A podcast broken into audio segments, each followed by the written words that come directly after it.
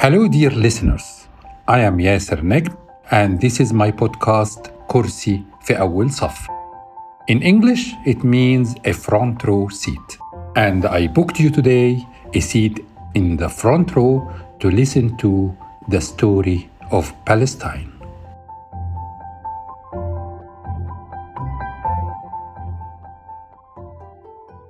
Our story will be told over four episodes.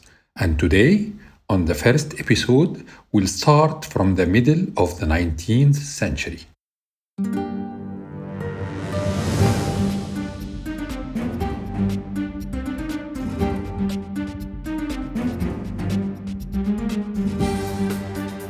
This is not just the story of Gaza, Hamas, the war, Israel, or the humanitarian crisis. It is the whole story from A to Z. Today, I am taking you for a journey through 180 years to the roots of the conflict. A journey of facts, not propaganda, and evidence, not prejudice. By fair references, not by controlled media. Let's listen together to the story of Palestine.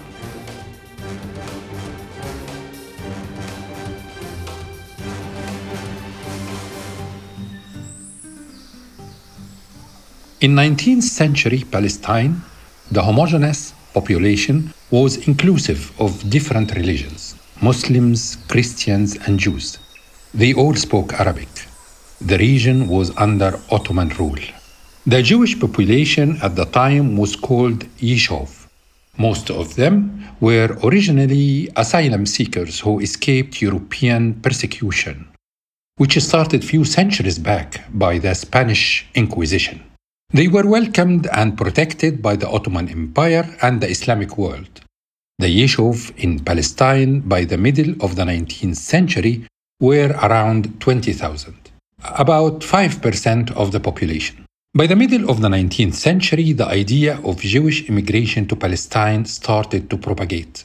It was adopted by a number of influential public figures, the most prominent of whom was the British Nobel Anthony Ashley Cooper, known as Lord Shaftesbury. Lord Shaftesbury was a premillennial evangelical Anglican who believed in the imminent second coming of Christ. Shaftesbury was also a student of Edward Bickersteth, and the two men became prominent advocates of Christian Zionism in Britain. Shaftesbury was an early proponent of the restoration of the Jews to the Holy Land.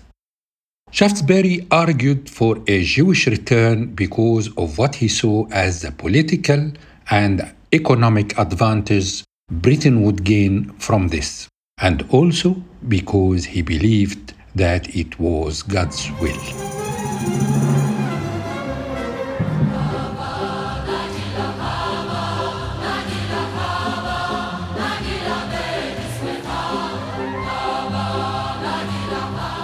In January 1839, Shaftesbury published an article in the Quarterly Review, provided the first proposal by a major politician to resettle Jews in Palestine. In June 1853, Shaftesbury wrote to the Prime Minister Lord Aberdeen. These vast and fertile regions will soon be without a ruler, without a known and acknowledged power to claim dominion. The territory must be assigned to some one or other. There is a country without a nation, and God now in his wisdom and mercy directs us to a nation without a country. This is commonly cited as an early use of the phrase a land without people for a people without a land, by which Shaftesbury was echoing another British proponent of the restoration of the Jews to Palestine, Dr. Alexander Keith.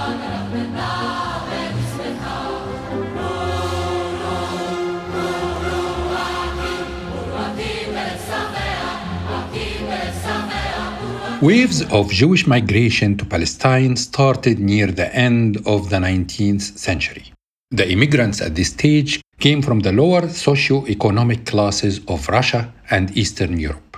These immigrations were given a religious term, aliyah, which meant in Hebrew ascent to the sky. The immigrant would be called olim. The new immigrants were not welcomed in Palestine, even amongst the local Jewish community, the Yishuv. There was a division between the two communities, the old and the new Yishuv. It was first manifested in the spoken language as the old community were talking in Arabic and preserved Hebrew for their religious rituals, while the new community insisted on using it all the time, although sarcastically they were not able to speak it fluently. The local community always regarded the immigrants as obtrusive, as they did not have anything to add to the community neither skills, qualifications, educations, craft, physical abilities, nor money. During this period, around 50,000 Jews immigrated to Palestine, which is nearly two times the number of the local Jewish community. This has increased the total percentage of Jews in Palestine from 5% to nearly 15%. In parallel to the escalation of anti Semitism in Europe by the second half of the 19th century, there was a rise of claims to establish a national home for Jews. The Zionist movement was the spearhead of such claims. The movement was named after Zion Mountain in Jerusalem as a political, ideological movement. It was founded by the Ashkenazi European Jews. And although the Jewish migration waves to Palestine had already started before the launch of Zionism, yet the movement was still undecided whether the national home for Jews should be in Palestine or somewhere else until the death of its founder, Theodor Herzl. The movement was still, after the end of its first Congress in Basel, 1897, choosing between locations in Argentina, Australia, Russia, and Uganda. The latter was about to be chosen. Even a delegation from the Congress traveled to explore the suggested territory in Uganda. Yet a last minute decision was made to abandon it for fear of local tribes and wild animals in the vicinity.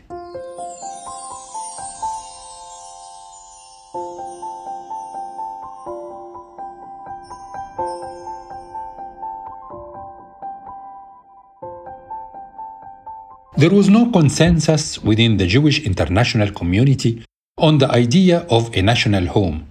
On the contrary, the more religious sects were against it. The religious leaders, rabbis, expressed their rejection multiple times in conferences held between Frankfurt, Philadelphia, and Pittsburgh. Sarcastically, most of the Zionist leaders were either atheists or less religious. Yet they were the most enthusiastic about the religious background reference as a motive to return to the promised land. The movement managed to secure funds from the richest businessmen of that era.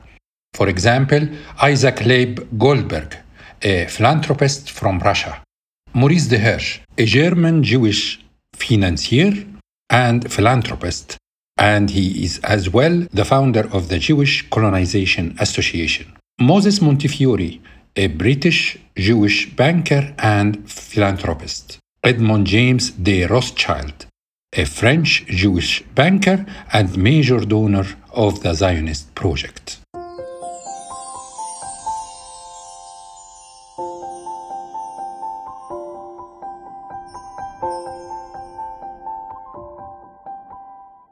After settling in Palestine, the Zionist movement knew it will need power to create a new status quo. It started to use the available funds to form armed gangs, the first of which was the Bar Giora between 1907 and 1909. Then the Hashomer, which was operating until 1920. In addition, the funds were used to mobilize 40,000 more of Russian Jews to Palestine between 1906 and 1914.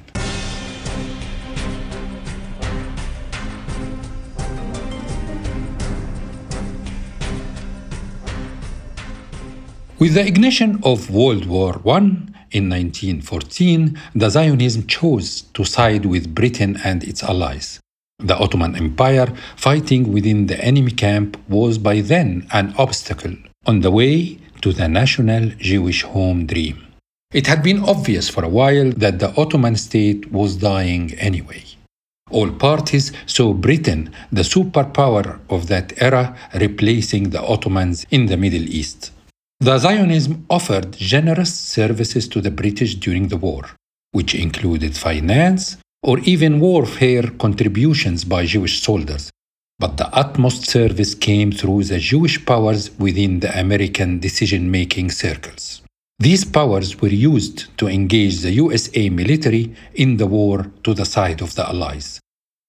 At this same point, the British strategists had been paying attention to another dimension most of the Zionist leaders had some socialist and even communist ideology.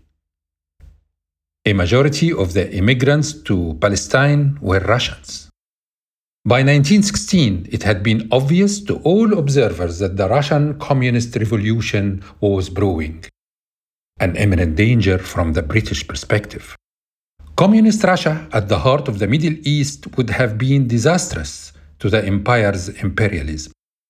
Indeed, in 1916, Balfour, then First Lord of the Admiralty, wrote to then the head of the General Zionist Council, Chaim Weizmann. You know, Dr. Weizmann, if the Allies win the war, you may get your Jerusalem. Weizmann was Russian, and he later became the first president of the State of Israel. The Soviet Union, ex Russia, was the second state to recognize Israel straight after USA. The Zionists insisted to get paid even before the end of the war. This was materialized as Balfour Declaration. An official letter was issued on November 2, 1917 by Arthur Balfour, the British Foreign Affairs Secretary, addressing Walter Rothschild, the leader of the Jewish British community at the time a letter described as being a faithful promise from those who do not own to those who do not deserve. Dear Lord Rothschild, I have much pleasure in conveying to you, on behalf of His Majesty's government, the following declaration of sympathy with Jewish Zionist aspirations which has been submitted to and approved by the Cabinet. His Majesty's government view with favor the establishment in Palestine of a national home for the Jewish people and will use their best endeavors to facilitate the achievement of this object. It being clearly understood that nothing shall be done which may prejudice the civil and religious rights of existing non Jewish communities in Palestine, or the rights and political status enjoyed by Jews in any other country. I should be grateful if you would bring this declaration to the knowledge of the Zionist Federation. Yours, Arthur James Balfour.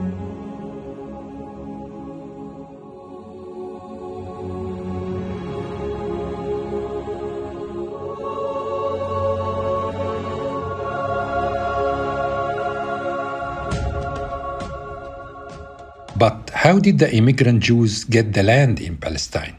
Previously, we mentioned Moses Montefiore as a main financier of Zionism. Montefiore was the first to buy land for Jews in Palestine.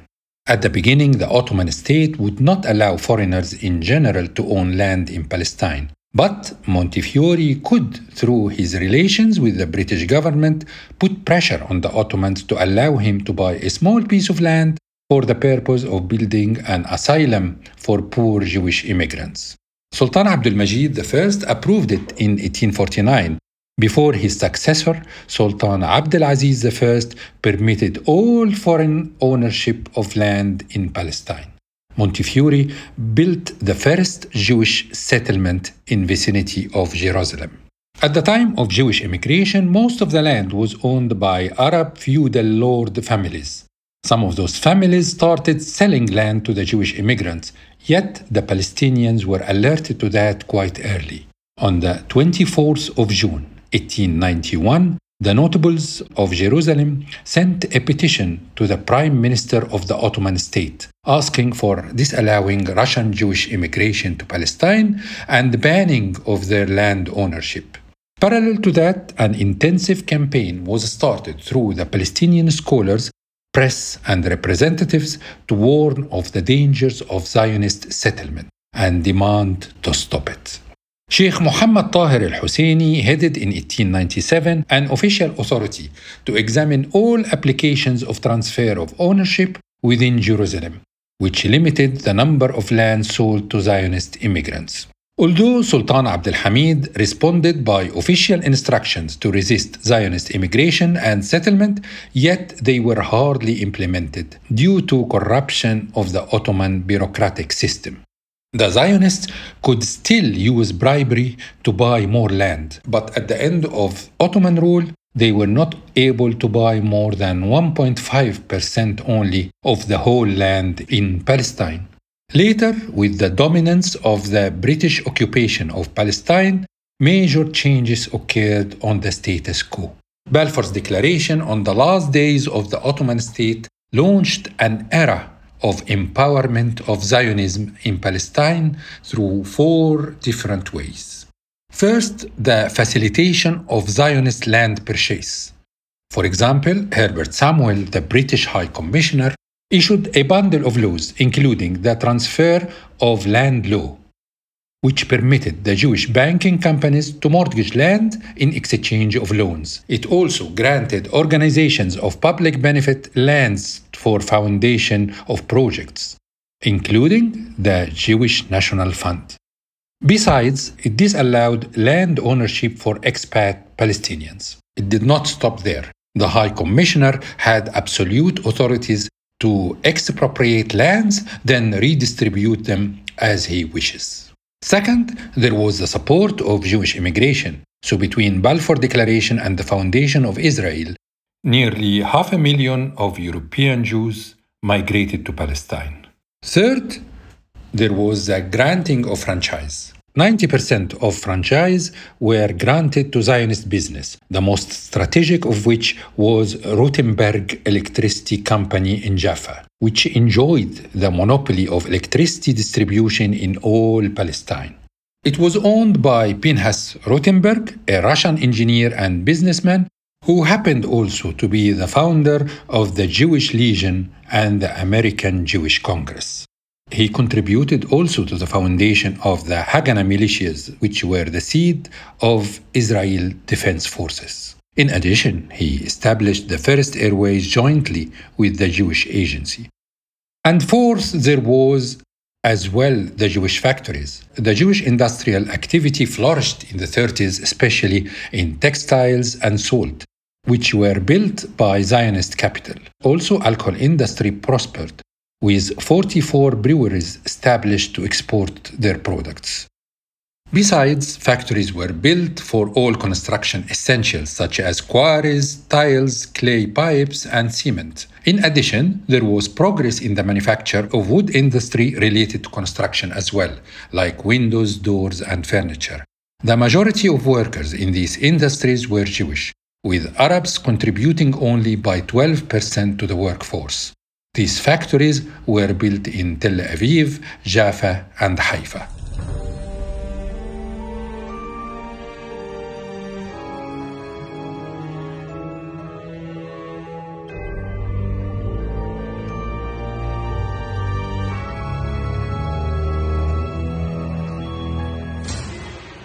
In August 1929, the first broad spectrum riots occurred between the Palestinians and the Zionists. These riots were related to holy places. The Burak Wall is the western border of Al Aqsa Mosque. It is where Prophet Muhammad tied his steed called Al Burak during his historical journey called Al Isra. It is also sacred in the Jewish culture, as they believe it is the only remnant of the Second Temple.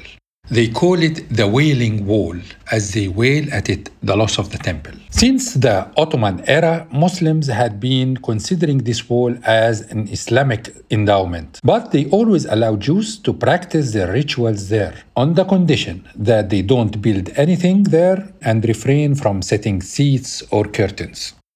On Thursday, the 15th of August 1929, during the Jewish fast of Tisha B'Av, several hundred members of Betar right-wing group marched to the Western Wall shouting, "The wall is ours! The wall is ours!" raised the Jewish national flag and sang Hatikva, the Jewish anthem.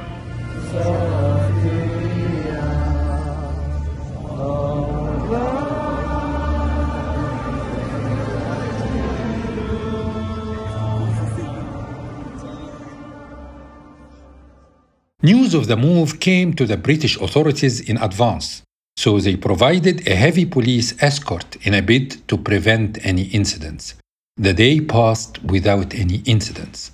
Next day, the Muslims responded by a demonstration from Al Aqsa Mosque towards the wall, where they listened to a speech by Sheikh Hassan Abu Saud warning of the dangers threatening the Islamic holy places. Tension has escalated, and aggressive riots started in Jerusalem.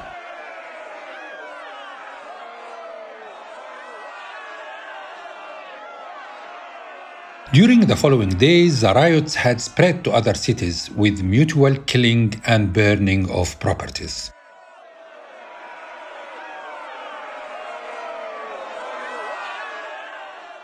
The British authorities had to ask their troops in Egypt for support to stop the violence. The final casualty figures have shown 116 Palestinian deaths, 133 Zionist deaths, 232 Palestinian injuries, and 339 Zionist injuries. The British authorities arrested 900 Palestinians and they sentenced to death 27 of them.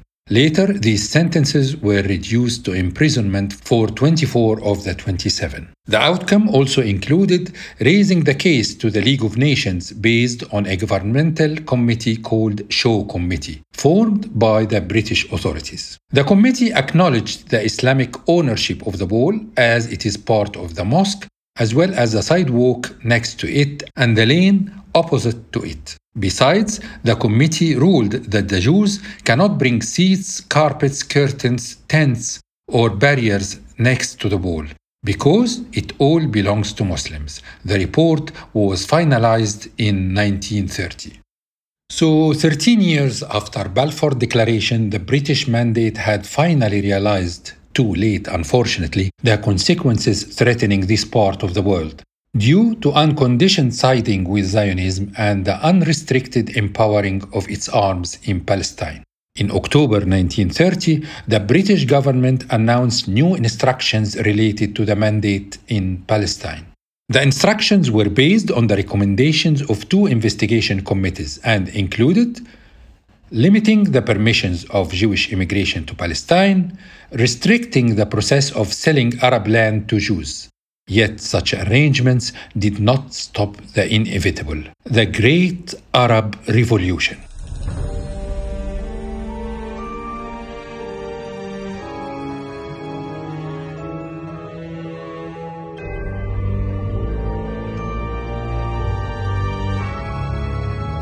The Great Arab Revolution was the most tremendous revolution in Palestine and one of the most glorious revolutions in the history of the entire world. But was it successful? How did the British and Zionists respond to it? What was the effect of the Nazi Holocaust against Jews on the conflict? What atrocities were committed by gangs led by a future Prime Minister of Israel? And how the conspiracy of the decision to partition Palestine unfolded? Let's hear more about the roots of this conflict on the second episode of this story.